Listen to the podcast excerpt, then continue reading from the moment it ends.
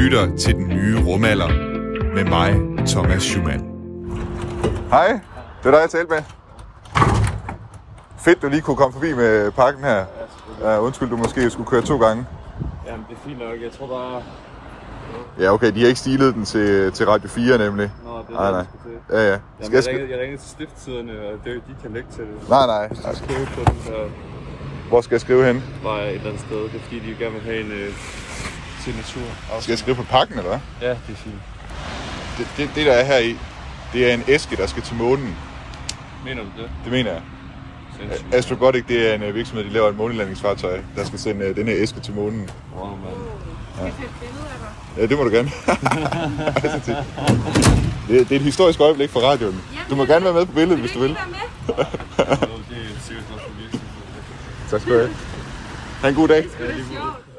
Ja, det var et historisk øjeblik for den nye rumalder. Øh, det, som vi hørte her, det var altså den 17. december, hvor jeg modtog den pakke, der blev sendt fra Astrobotic over i øh, Pittsburgh, USA, med Moonboxen, altså den her æske, som øh, vi skal sende vores SD-kort på den nye rumalder til månen med. Og jeg sidder faktisk lige nu med æsken, øh, som, vi, øh, som jeg skal til at pakke op lige om lidt.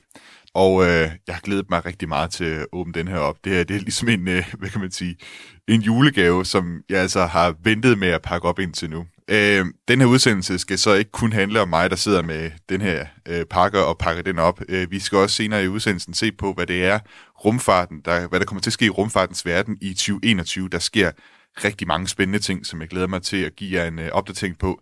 Ikke bare ude i øh, øh, hos NASA og ESA, selvom det er nogle helt vilde ting, som de har på øh, tegnebrættet, men også i Danmark, øh, i den danske rumfartindustri, kommer der til at ske mange ting, som vi kan, kan se frem til.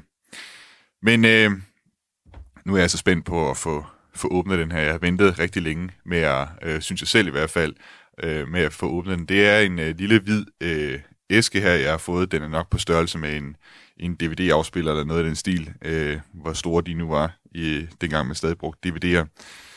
Og øh, ja, jeg tænker egentlig bare at prøve at pakke den op. Hvor delen starter man lige. Jeg vil jo helst ikke ødelægge noget her, så det ikke kan blive sendt tilbage. Yes, sådan. Så fik, fik jeg langt om lidt klikket, klippet øh, den tape op, som, øh, og fik gennemskud, hvordan den her æske skal åbnes. Så nu prøver jeg at åbne låget på den. Hold da op. Okay, det første, jeg kigger ned i æsken på her, det er, at der er et øh, stykke papir med sådan øh, med et certifikat, tror jeg vist godt, man kan kalde det. Øverst, der står der op, det er fra DHL Moonbox, og så står der, This certificate officially recognizes Thomas Schumann, space pioneer, for a moon capsule reservation on Astrobotics lunar lander. Der skulle selvfølgelig ikke have stået Thomas Schumann her, der skulle have stået øh, rumrejsen, øh, hvad hedder det, den nye rumalder, undskyld.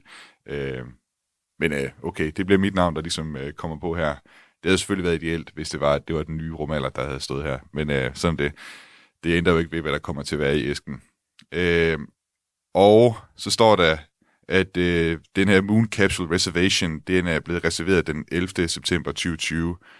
Og så har vi så et særligt øh, serienummer, og den er underskrevet af øh, Astrobotics direktør, øh, John Thornton, som vi lavede et interview med i sin tid, da vi øh, fortalte, øh, at vi havde lavet den her reservation. Okay, og så står der, Moon capsule shall be placed on the moon in perpetuity. Altså, den her måneæske, den skal blive placeret på månen til al evighed. Det er ligesom planen. Okay, så det er ligesom det første, jeg så her, det var det her certifikat. Så lad os så se, så er der så en sort æske her, hvorpå der står DHL Moonbox. Jeg kan faktisk mærke, det kribler lidt ind i mig, øh, før jeg åbner den her. Jeg er ret spændt på at se, hvordan den ser ud. Det prøver vi at se.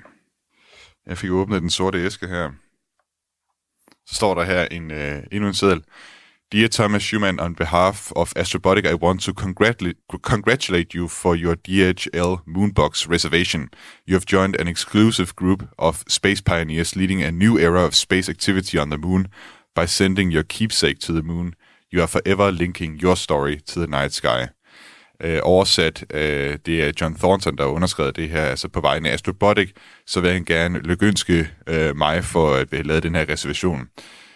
Du har øh, du er nu med i en eksklusiv gruppe af rumpionerer, som er med til at lede vejen mod øh, en ny æra af, af rumaktiviteter på månen. Og ved at sende den her æske op til månen, så er man så er jeg for, for altid med til at forbinde min historie med øh, himlens, altså med nattehimlens historie. Og den vil jeg i øvrigt sende ud til, til alle jer. Det er ikke kun mig, det er alle jer derude, som har været med til at sende ting ind her, at den her, den går ud til, altså, I er alle sammen med i den her eksklusive gruppe af rumpionerer, som er med til at forbinde jeres historie med nattehimlens og universets historie. Det kan vi godt, øh, det synes jeg godt, vi kan sige. Øhm, og så står der her, øh, at jeg skal selvfølgelig læse instruktionerne øh, i forhold til, hvordan den der bliver sendt tilbage. Øh, så vil Astrobotic så øh, løbende sende billeder tilbage til os, øh, eller billeder tilbage til mig, går ud fra, øh, med billeder af, hvordan den her den bliver sat på deres Peregrine øh, månelandingsfartøj, hvordan den integreres. Og så i det, i det øvrigt give opdateringer på, hvordan, øh, hvad skal man sige, hvor langt de kommer i forhold til at altså, nærme sig opsendelse. Og at vi til hvert tidspunkt ligesom kan kontakte dem. Sincerely John Thornton, CEO. Fedt. Godt. Nå, så er her nogle instruktioner. Kit instructions. Øh, som jeg ikke vil kede jer alt for meget med. Øh, det er, hvad jeg lige skal prøve at læse dem igennem her. Okay. Det, det jeg ligesom får ud af det, det er, at den her æske, jeg har foran med denne sorte æske, øh, det er den, der skal sendes tilbage til Astrobotic. Og der er ligesom et lille sekskantet øh, hul lavet her, som man skal sørge for, at øh, det, man vil sende øh, over til Astrobotic, at den ligesom passer ned i. Fordi det, åbenbart så den måde, som det integreres på, på Astrobotic øh, landingsfartøjet, øh, det er sådan nogle sekskantede æsker. Så vi skal ligesom sørge for, at, at det SD-kortet, det kan jeg se her, det, det gør det fint. Det kommer til at passe fint ned i der. Øhm, og så skal det ligesom sendes tilbage. Øhm, hele æsken her. Og det, jeg tror, det, det skal i sådan en slags særlig konvolut, som jeg har her, sådan en sølvfarvet konvolut. Nå, det hele skal simpelthen bare tilbage i den der. Okay. Så det var godt, jeg ikke øh, massakrerede den æske, eller den pakke, det hele er kommet i, fordi det er simpelthen en pakke, øh, det hele skal sendes tilbage med. Okay. Så alt det skulle være i orden her. Nå, men øh, altså, jeg, jeg må indrømme, jeg havde måske troet, jeg havde måske troet, at der var en lille metalæske eller et eller andet her i. Så på den måde, så kan man sige, det havde måske ikke levet helt op til den forventning, jeg havde. Det er bare sådan et, den der, den der sekskantede form, som ligesom skal passe i, det er bare sådan en lille, altså, det, det er sådan skåret ud i, øh, i sådan noget flamingo noget her, så okay, de har sparet lidt på materialerne der, kan man sige, men, øh, men fedt uanset, at, at, at hvis man sige, nu har vi muligheden for at sende det tilbage. Og øh, jeg modtog øh, før jul, der modtog jeg en julehilsen fra Astrobotic, øh, som ligesom gav mig en lille opdatering på, øh, hvor langt de var kommet. Og øh, de skrev, at øh, de skal altså have Moonboxen tilbage inden den 1. marts i år. Øh, og så regner de altså med en opsendelse i fjerde kvartal af 2021. Og jeg vil gerne være på den sikre side om, at øh, den her øh, æske, den når tilbage til Astrobotic i, i årene tid, altså inden den 1. marts. Og jeg ved godt, at det, DHL de er forholdsvis hurtige. Jeg tror, de nåede at sende den her øh, pakke over øh, til os her i Aarhus fra Pittsburgh på under en uge. Men jeg vil, gerne, jeg vil gerne have to uger i hvert fald, sådan at hvis der skulle være en eller anden forsinkelse undervejs, at, øh, at vi i hvert fald når deadline, så alle jeres gode ting, de kommer med op til månen. Øh, så derfor så siger jeg nu øh, til jer derude, at hvis I vil have sendt noget mere med op på, øh, på SD-kortet, hvis vi når at sende mere med, hvis der er nogen af jer, der for første gang hører om den her, det her koncept med at sende et SD-kort til månen med, med jeres hilsen, med jeres bidrag, øh, alt det, som I har lyst til på en eller anden måde at få for evigt op på månen. Øh, hvis I vil nå det, så er jeres deadline altså den 15. februar. Så sørger jeg for at sende øh, øh, hvad hedder det, øh, SD-kortet afsted den 15. februar, og download alle de ting, I har, læg det over på SD-kortet, og få sendt det afsted. Øh, så sørg for det. Øh, send jeres bidrag ind til den nye rumalder, snablag radio4.dk. Øh, og der kan I også skrive, hvis I har nogle spørgsmål i forhold til, hvad man kan levere. Altså, jeg er rimelig jeg er forholdsvis åben. I kan sende nærmest alt ind, som, som I har lyst til, der skal med. Øh, tænk bare på, at, at som han skriver, John Thornton, at den her, øh, det her SD-kort, det kommer til at stå på månen in perpetuity, altså til evig tid. Ikke? Så det kan være ligesom et minde om jer, eller det kan være en, et minde om, om noget, I har kært på en eller anden måde. Øh, eller, I, hvad skal man sige, at I kan pege op på månen og sige, hallo, der er øh, noget af mig op på månen. Godt. Jeg tænker, vi skal videre. Øh, vi skal kigge på rumfartåret i 2021, både her i Danmark og så i udlandet. Hi, this is Eric Berger, the senior space editor at Ars Technica. I've been covering space for 20 years, and you're listening to The New Romula with Thomas Schumann. Og vi starter herhjemme med de ting, som der kommer til at ske i øh, Danmark inden for rumfarten. Jeg har ringet til tre, som jeg kender i rumfartbranchen, og som jeg følger meget med i, hvad det er, de går og foretager sig. Og vi starter med min navnebror, Thomas A. Andersen, som er direktør hos Danish Aerospace Company i Odense. Måske kan du huske, at vi øh, i sommer lavede en udsendelse, hvor jeg var på besøg hos Thomas, og fik en øh, rundvisning hos, øh, på deres øh, faciliteter i, øh, i Odense. Og øh, Danish Aerospace Company, de er altså mest kendt for det motionsudstyr, som de laver til NASA, og som har fløjet i rummet siden øh, 80'erne på, eller undskyld, siden 90'erne på øh, den amerikanske rumfærge, og som også lige nu er oppe på den internationale rumstation. De nye øh, rumcykler, vi er i gang med at levere til NASA, som skal op øh, på rumstationen, øh, er jo selvfølgelig spændende. Vi sendte den første ud af døren lige inden juleaften, den første træningsmodel, og de første flightmodel skal afsted et stykke ind i det nye år her. Så det er jo selvfølgelig det, det nye store at få noget nyt hardware op på den internationale rumstation. Øh, og så er der jo de andre projekter i forhold til motionsudstyr og øh, det kommercielle marked, som jo kommer i gang. Øh, så Virgin Galactic øh, har forberedt flere testflyvninger her i det kommende år, ikke? og Axiom går i gang med at bygge deres modul til den internationale rumstation. Så hele, hele kommercialiseringen af det bemandede rumfart er jo selvfølgelig, tager jo også for alvor fart i, i 2021. Ja, der, der kan I jo potentielt øh, spille en rolle ikke, som leverandør til, med, med jeres sundhedsudstyr til, til de her nye spillere på markedet. Det kan vi lige præcis ikke, og det er jo selvfølgelig også derfor, vi et datterselskab i USA for nogle år siden, for at forfølge de her muligheder. Øhm, og, og, og de bliver jo ikke mindre, skal vi ikke formulere det sådan. øh, så det ser jo spændende, og jeg vil sige, bemandet rumfart på verdensplan bliver jo heller ikke mindre. Altså en, Indien har jo også i gang sat øh, et ambitiøst bemandet rumprogram øh, som vi også glæder os til at kunne kigge lidt nærmere på øh, forhåbentlig i 2021. Mm. Nu nævnte du de her nye motionscykler. Jeg tror lige, vi skal have genopfrisket for, for lytterne derude, der måske ikke lige kan huske, da vi, da vi sidst talte sammen, øh, da jeg var ude og besøge jer hos uh, Danish Aerospace Company. Hvad er det, der er nyt øh, og, og, ved de her cykler i, i forhold til dem, I tidligere har haft op på rumstationen? Jamen, de, øh, de cykler, der både fløj på rumfærgerne fra 92 til de blev pensioneret, og som findes deroppe i dag, og faktisk øh, til marts i år har 20 års jubilæum på den internationale rumstation, er jo per definition teknologi, der er udviklet for over 20 år siden.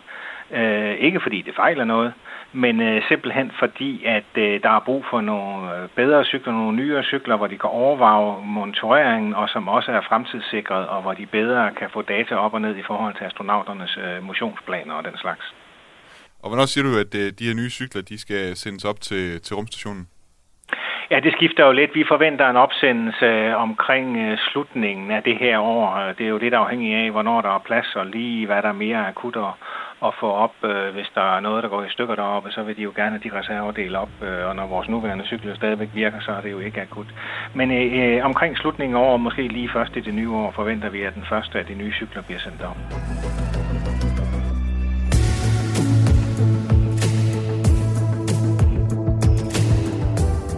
Jeg synes altså, det er ret vildt, at øh, hos en virksomhed i Odense, der kommer NASA og er fast kunde og har været det i årtier nu. Og så er det altså også øh, ret vildt, hvad det er, der sker i et værksted i København, eller nærmere sagt på Refshaleøen i København. Jeg har ringet til Jakob Larsen, der er formand for Copenhagen Suborbitals, Og hvis du ikke lige kan huske det, så Copenhagen Suborbitals, de udvikler speakerraketten, en raket, som skal sende et menneske på en kort flyvetur i rummet. Og det er altså en frivillig forening, og den eneste frivillige forening i verden, der gør det her med at bygge en øh, raket helt selv. Normalt, de her ting, det koster jo millioner og millioner øh, af kroner at udvikle. Men det her det er altså folk, som gør det i deres fritid. De gør det helt gratis, og det hele det er støttet af de medlemmer, de har, og donationer, de får fra folk verden over, som altså er begejstrede for projektet. Og jeg ringede altså til Jakob Larsen for at høre, hvor langt de er med speakerraketten, og hvad der skal ske her i 2021. Jamen i 2021, så kommer der til at være et stort emne, og det er, det er denne her øh, speakerraket. Den raket, som i sidste ende har kapaciteten til at løfte en mand øh, hele vejen ud i rummet. Øhm, der er to ting i det. Den, den første vigtige ting, det er, at øh, vi, skal have, øh, vi skal have bygget den store BPM-100-motor, der skal drive speakerraketten.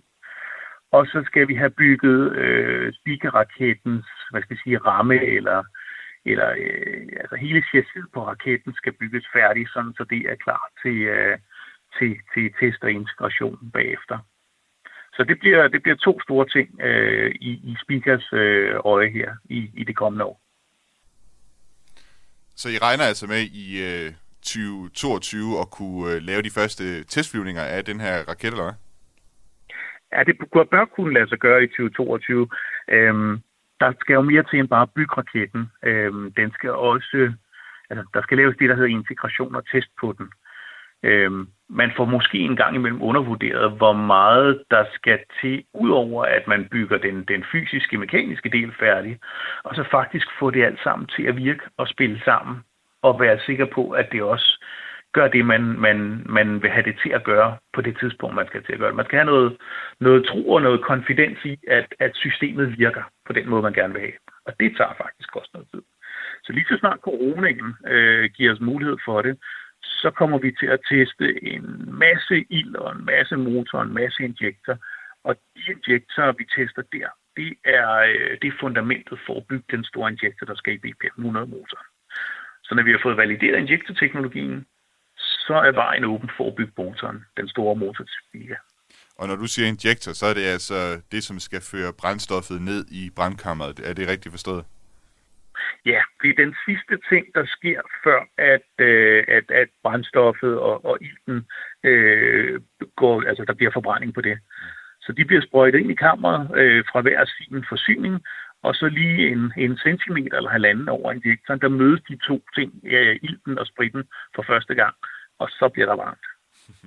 så, så er der forbrænding, så er der ignition, som man siger, inden for, inden Også for i den grad. Ja. Jakob, øh, når, når du taler, eller jeg har hørt dig tidligere omtale den her speaker-raket som en, en kæmpe raket. Når den kommer til at stå klar, hvor, hvor, stor og, og tung er den her raket så? Jamen, øh, speaker-raketten bliver den største amatørraket, som jeg overhovedet er bekendt med, øh, bliver, bliver bygget. Øh, og den bliver, øh, den bliver omkring 14 meter lang. Og hvis man skal prøve at forestille sig det, jamen, så er det lige så langt som en, øh, en god lang øh, lastvogn eller et mindre parcelhus. Så når den først bliver rejst op, så kommer man til at blive en lille smule overrasket over, hvor langt man skal lægge nakken tilbage for at se til op med den. Så bliver den omkring en meter i diameter. Det, det lyder måske bare som et, et, et mindre træ til at starte med, men hvis du først står ved siden af sådan en, der er en meter i diameter, så har du ikke en chance for at bare nå halvvejs rundt om den. Og det vil sige, i den tanksektion, som vi er, vi er ved at bygge færdig nu på nuværende tidspunkt, de to tanke, der får vi omkring 2,5 ton brændstof til sammen øh, kapacitet i de to tanke. Og hele speakerraketten, når den første er, er står færdig og klar på launchpadden, så snakker vi om en kæmpe raket, som, øh, som vejer omkring 4 tons fuldtanket. Det er altså noget af en krabat, som Copenhagen Suborbitals øh, de er gang i der, og jeg håber personligt på, at jeg kan få lov at komme over og opleve en af de her motortest, som de skal have i løbet af, af året. Og øh, så tænker jeg selvfølgelig også, at vi kan lave en udsendelse ud af det, så I måske også kan få en smagsprøve på, hvordan det er at opleve sådan en raketmotor, der altså kan sende en øh, raket på de her flere tons op øh, på en tur i rummet. Vi slutter vores øh, rundtur hos øh, de danske rumfartvirksomheder, hvad det er, de ser frem til her i 2021 hos Thermaspace. Thermaspace, de ligger også i, eller har i hvert fald øh, hovedsæde i København, og de har hardware på en masse missioner, der har fløjet rundt i, i solsystemet. Missioner, der strækker sig også igen flere årtier tilbage. Min yndlingsmission øh, for Thermaspace, det er, at de havde et vækkeur med på den Huygens rumsonde, der landede på øh, Saturns måne Titan tilbage i nullerne. Og Thermaspace, de fortsætter altså ufortrødent med at levere komponenter til diverse rumfartmissioner, særligt hos øh, det europæiske rumfartagentur ESA.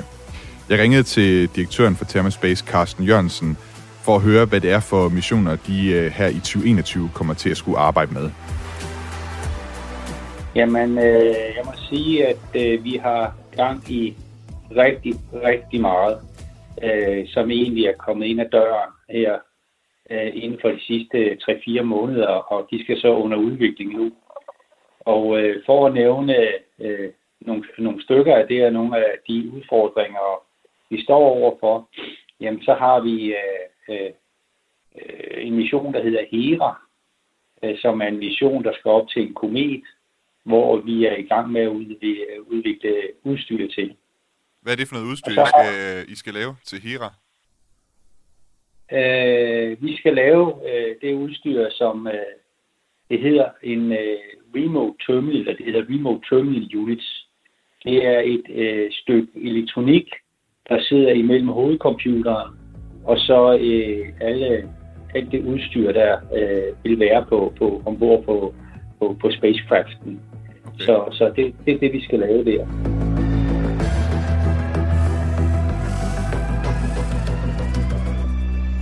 Hvis du ikke lige er helt up-to-date med, hvad Hera-missionen den går ud på, så er det altså en, en satellit, der skal sendes ud til Didymos-asteroiden.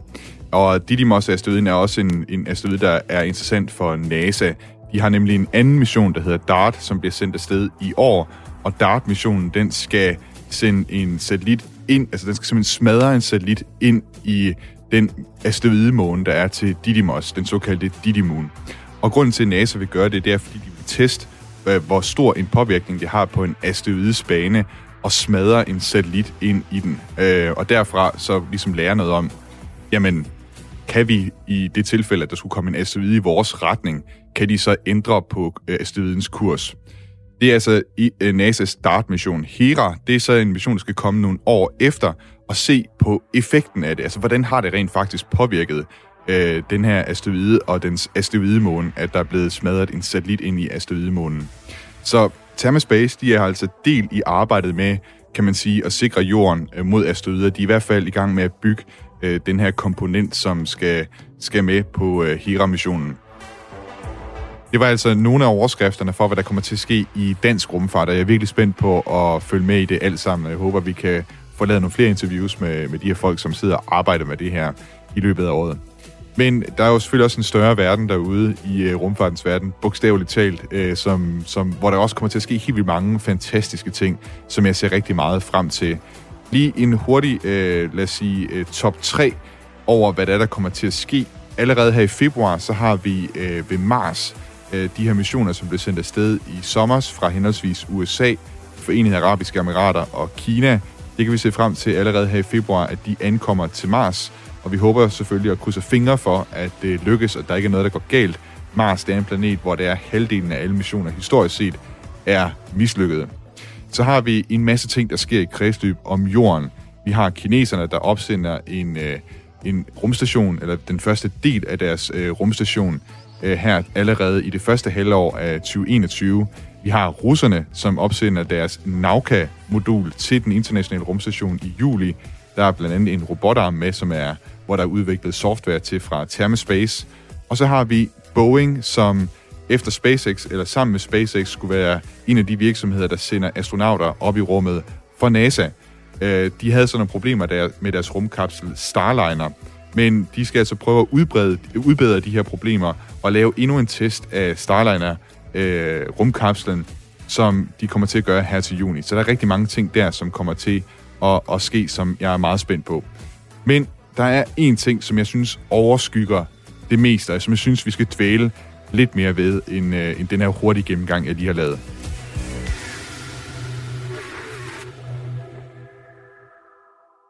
into worlds where peril and adventure await us. Power and telemetry nominal.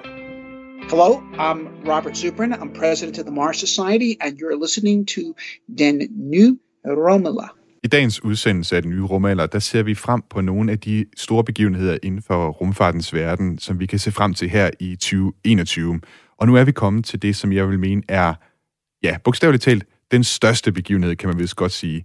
Det er inden for astronomiens verden, og det vi kan se frem til der, det er, at det største rumteleskop nogensinde bliver sendt i rummet til oktober. Det er Hubble-teleskopets efterfølger James Webb Space Telescope. Og du kender måske Hubble-teleskopet og de her billeder, som de har taget af galakser og stjernetog, meget ikoniske billeder.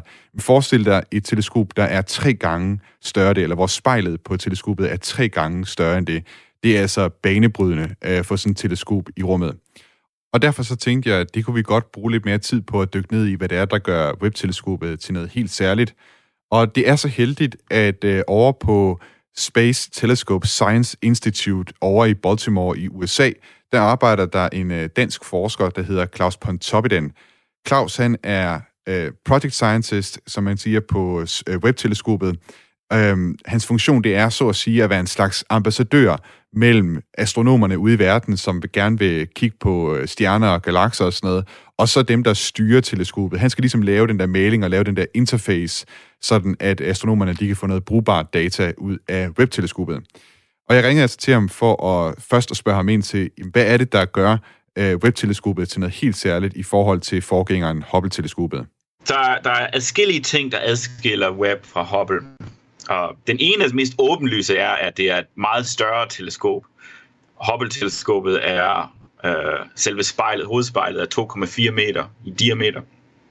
Um, Webb-teleskopets øh, hovedspejl er 6,5 meter i diameter, så det er meget større. Det betyder, at øh, det kan indsamle meget mere lys, og derfor er det så, så er det mere følsomt. Webb-teleskopet er også et infrarødt teleskop, og hvad det vil sige er, at, at det observerer rødere lys end Hubble-teleskopet. Så rører den da at det bliver infrarødt, så man kan ikke se det med, med, med egne øjne, men det meste af lyset i universet eksisterer i, øh, i det midtinfrarøde. Og så, så det, der er en meget, meget stor del af, det, man, af de, af de ting, man kan lære om universet, som man skal bruge det infrarøde lys til at kunne forstå. Og det er det, der gør, at Webb-teleskopet regner med, at det, det vil kunne se de første galakser, der bliver dannet i universet for første gang. Det, det, det, så derfor man siger, at det er en videnskabelig opfølger til, til Hubble-rumteleskopet, fordi at det, det, går, det går længere, end, længere tilbage i tiden, længere ud i universet, uh, end Hubble gjorde. En af de andre helt store ting, som kom, kom til lidt senere i uh, projektets udvikling, var observationer af eksoplaneter. Um, så, så det, som Webb-teleskopet vil gøre, det er ikke at, at finde nye planeter, men at karakterisere deres atmosfære, simpelthen tage spektre af deres atmosfære, som man kan bruge til at finde ud af, hvad de er sammensat af. Og ikke bare øh, nogle eller, eller visse eksoplaneter, men også eksoplaneter, der er helt ned til jordstørrelse. Øhm, der, er, der er andre missioner derude, som, som også tager spektre af, af eksoplaneter. Hubble gør også det samme. Øh, men de er, de er typisk begrænset til forholdsvis store planeter og, og gaskæmper som Jupiter og Saturn. Øhm, dog der, der kredser lidt tættere på deres stjerner end det. Men Webb-teleskopet for første gang regner med, med at få rigtig gode data af sammensætning af atmosfære af planeter, der øh, har, er ned til jordstørrelse eller et par gange jordens størrelse. Øh, og som har, har fast overflade, og måske har temperaturer, som, øh, ja, hvor der er mulighed for, for liv på. Så vi lover ikke noget om, at, at web ikke, kan ikke, går ikke ud og finder liv, men vi tror, at det er et meget, meget stort skridt på vejen til at, at kunne forstå planeter, der, der ligner Jorden mere end det, som vi har kigget på tidligere. Så det er meget spændende. Og det, det, en anden ting, som jeg synes er meget spændende, det er også, at, at det er sådan et kvantespring i, øh, i følsomhed og, og, øh, og skarphed af billeder i det infrarøde. Vi har aldrig nogensinde haft noget lignende, fordi at der er så mange ting, der foregår i universet, som kan ses i det infrarøde. Så er der et kæmpestort, det, det vi kalder discovery space, hvor der er en hel masse øh, opdagelser, som bare venter på at blive lavet, som vi ikke har lavet endnu, som, som, som, som vi kommer til at se med, med web. Vi så det med Hubble også, at, at, at det man planlægger fra begyndelsen, det, det ender altid med at blive helt anderledes, når man først ser, hvad der egentlig er. Den ekstra følsomhed, man får med webteleskopet i forhold til det, som vi har gjort før, svarer faktisk mere til at, at have et teleskop på jorden, som af en eller anden grund kun har observeret om dagen. Og lige pludselig så finder de på, hey, måske det er en god idé at observere om natten også. Og det, det prøver de så. Mm. Og så ser de lige pludselig, øh, at himlen er fuld af stjerner, og der er mælkevejen, og, og alle de her ting, man kan se om natten. Så forskellen er, det er virkelig næsten bogstaveligt talt dag og nat. Okay. Og, så det, det er en enorm forskel. Det er derfor, vi kan ikke rigtig forudsige, hvad, hvad vi kommer til at se, uh, fordi at springet det er så stort. Det, det er et ret unikt øh, teleskop på den måde, som det er designet. I forhold, igen i forhold til, øh, til Hubble-teleskopet. Kan du lige prøve at forklare, hvad det der gør øh, Webb-teleskopet øh, så unikt i forhold til det her store spejl? Jo, um, så da man først øh, øh, beregnede, hvor stort et spejl man skulle have, for at kunne observere de første galakser og fandt frem til det her 6,5 meter spejl, øh, så blev problemet, at der ikke var nogen raketter, og det er stadigvæk ikke nogen raketter, som simpelthen er brede nok til at kunne indeholde spejlet.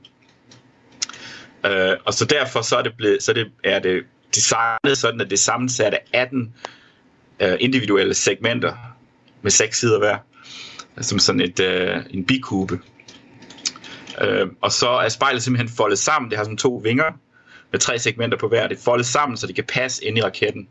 Og det er ikke bare spejlet, der er foldet sammen på den måde. Fordi at Webb er et infrarødt teleskop, så skal det holdes meget koldt. Så det har et stort solskjold, som hele tiden skærmer det fra solens varmende lys. Øh, og det er også foldet sammen på en meget kompliceret måde. Um, øh, og når det så bliver udfoldet, så har øh, solskjoldet her faktisk en størrelse omkring øh, en tennisbane. Um, og, og det er en af de, en af de mest, øh, en af de vigtigste ting, som kommer til at ske, når, når, man, når, når op, øh, teleskopet først er blevet opsendt. Og det er, altså, det er sluppet fri, altså i, i hele begyndelsen, det bliver afkoblet fra, fra raketten. Um, øh, og man, vi, vi folder øh, solskjoldet ud, og så spejlet ud.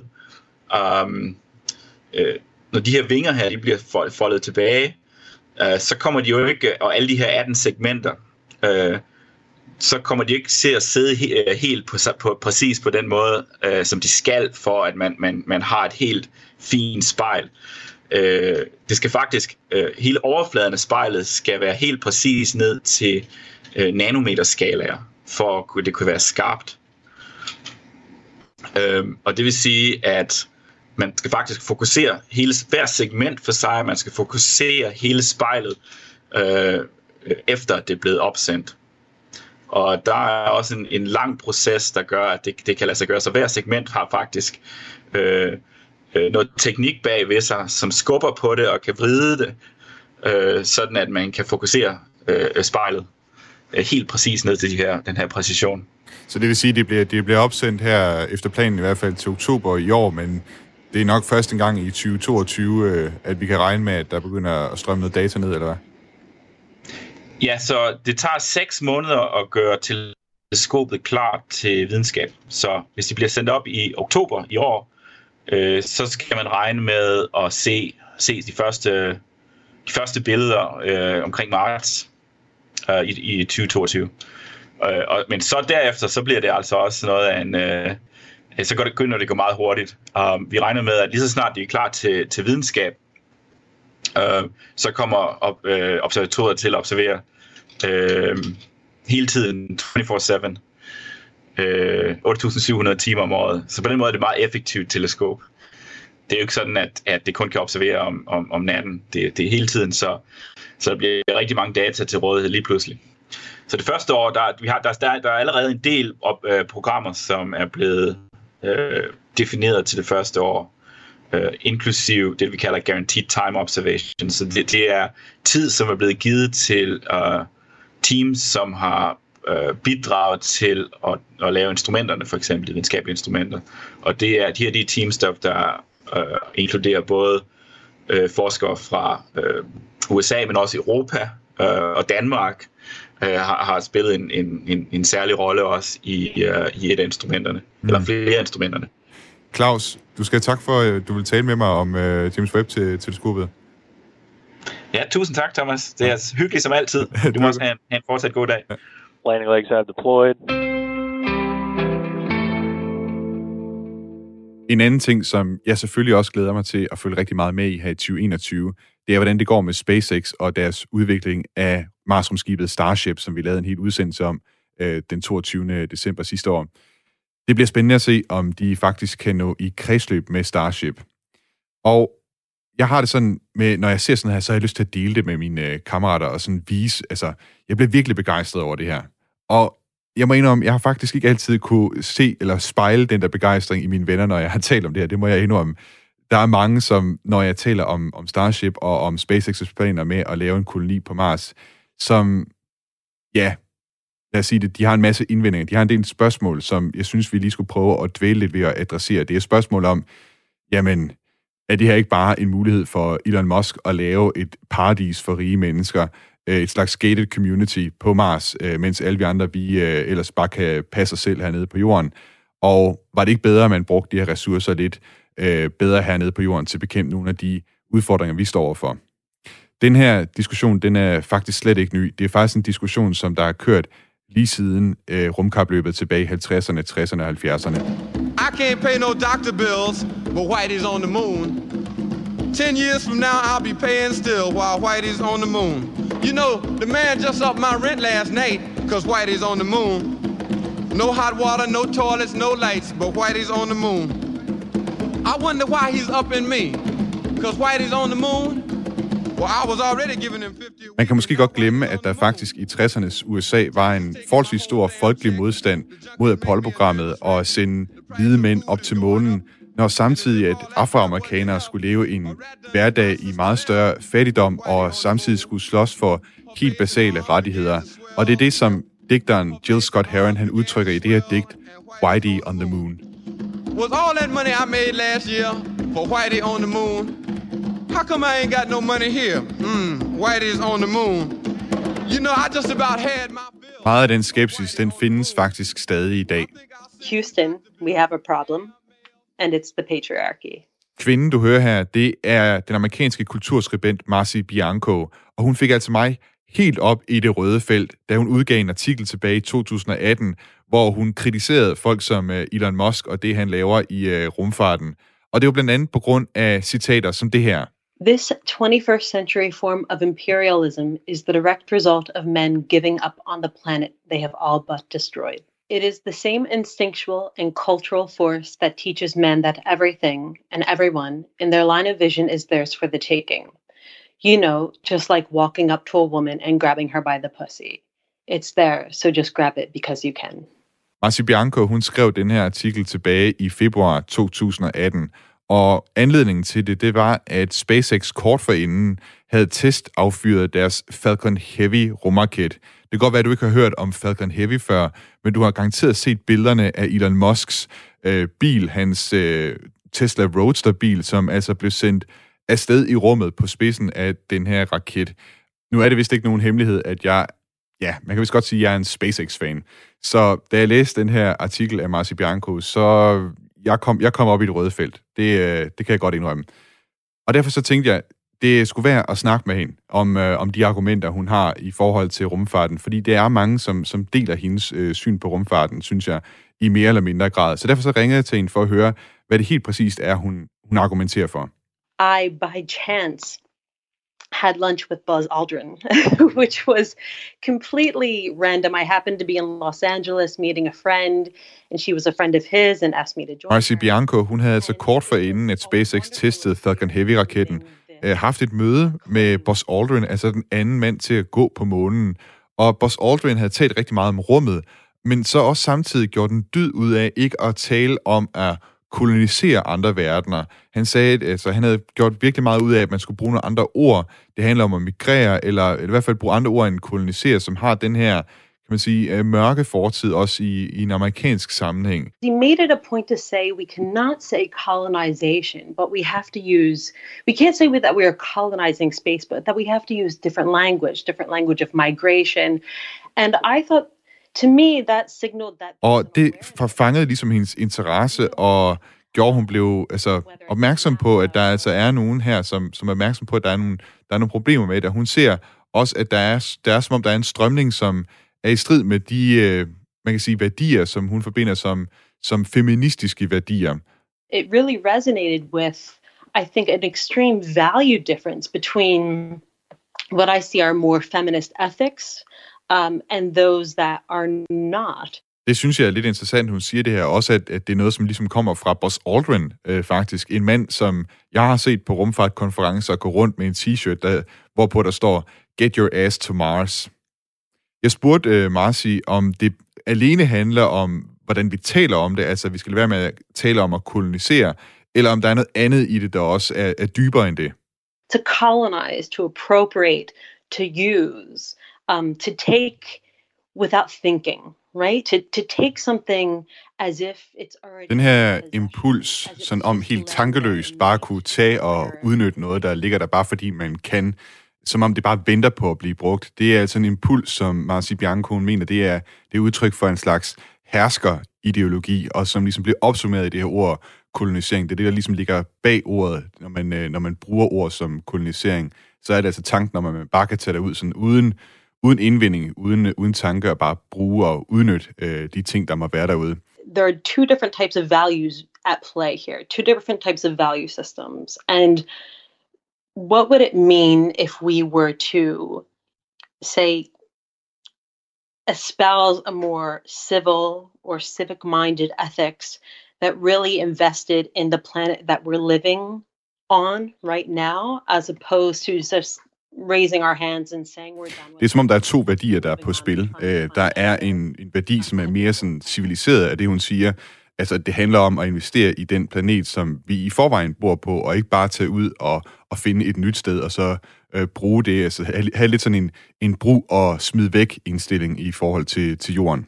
Udover at øh, Marci, hun altså har et, et problem med ordet kolonisering af Mars, og de tanker, der ligger bag det, eller den impuls, der ligger bag det, så bruger hun selv et ord i artiklen, som jeg meget godt synes egentlig opsummerer den her indstilling, som der måske er i øh, dele af rumfartmiljøet. Hun bruger begrebet Columbusing. Øh, jeg synes, det er ret interessant, så jeg spurgte hende, hvad det er helt præcist, at det ord, det dækker over. That is a popular term that's used um, in uh, at least American culture. This idea of saying that you've arrived at a destination and no one else has ever been there before, that you have settled it.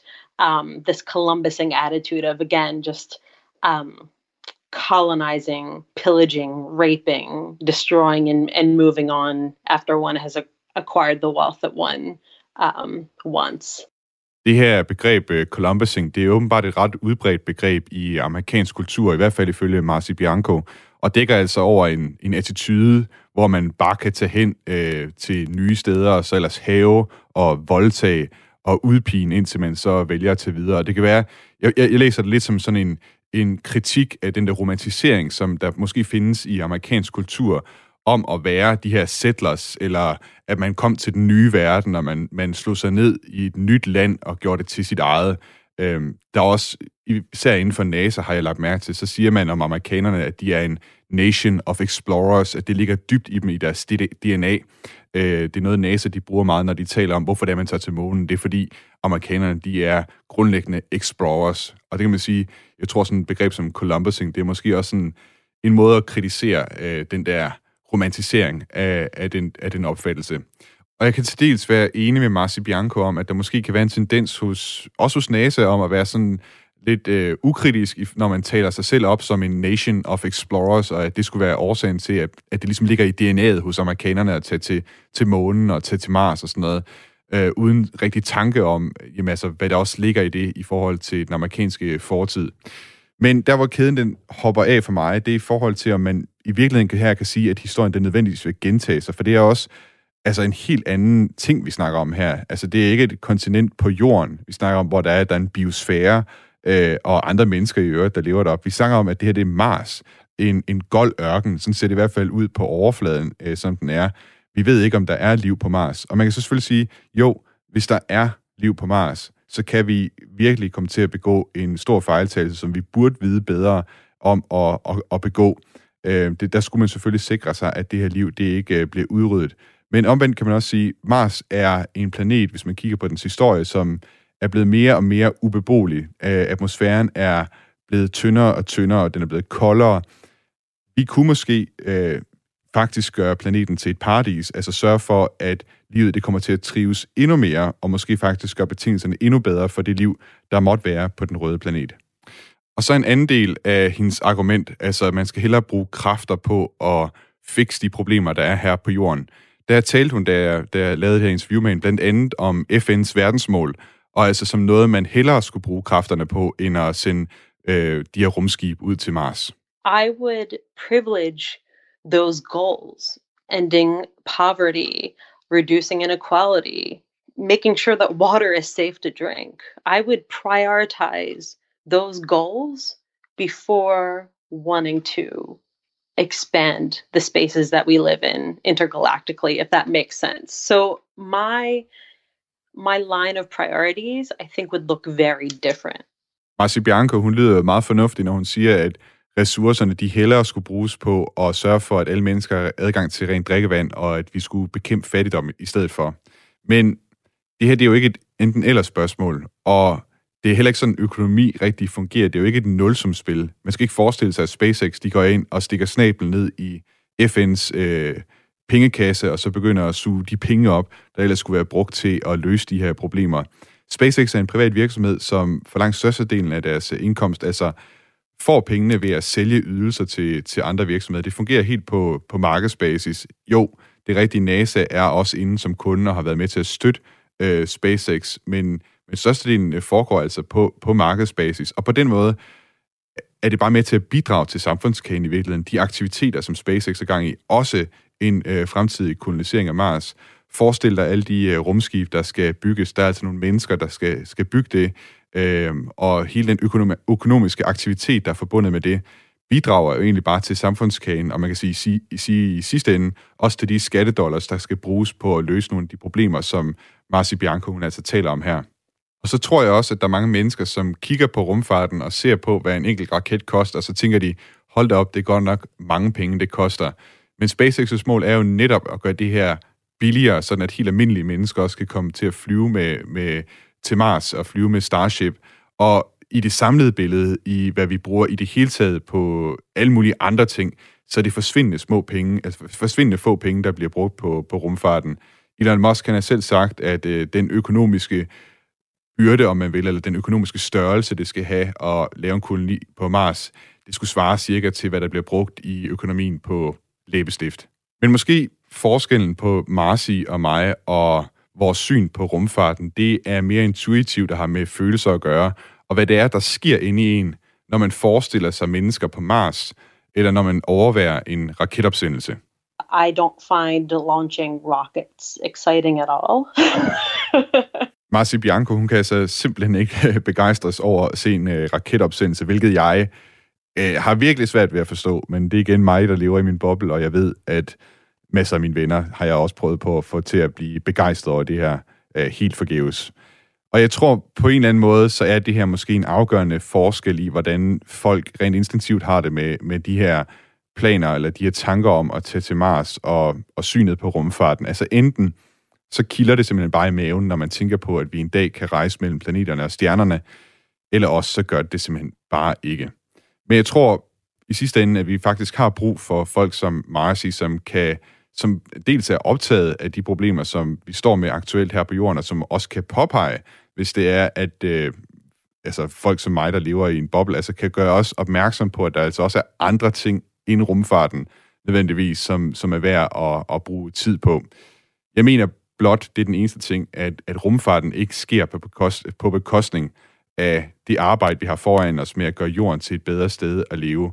Øh, jeg mener, at de to ting, de, øh, de kan sagtens eksistere på samme tid, og det gør de allerede, øh, og hvor rumfarten, hvis man ser på det i det store billede, altså i forhold til brugen af ressourcer, bruger næsten ingenting. Thank you very much for taking the time to talk to me today.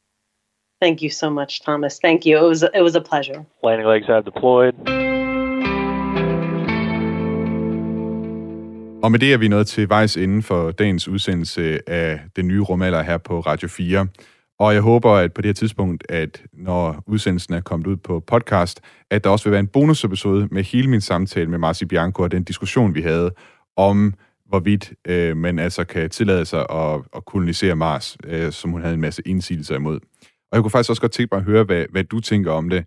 Øh, hvis du har en holdning til det, så skriv det gerne ind til mig. Og som altid, så kan du sende øh, både dine tanker om lige præcis det her emne, og anden feedback, ris, ros, kommentar eller andet, det kan du sende ind til den nye rumalder, radio4.dk. Og hvis du skulle have lyst til at lytte til nogle af de tidligere udsendelser af den nye rumalder, så kan du også finde dem inde på Radio 4's hjemmeside, inde på Spotify eller på Apples podcast player, hvor du altså også kan finde det her, den her bonusepisode med Marci Bianco. Indtil vi lyttes ved igen, så vil jeg ønske dig en god uge. Ad Astra.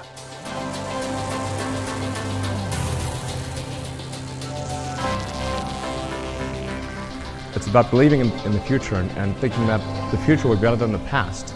Um, and I can't think of anything more exciting than going out there and being among the stars. That's why.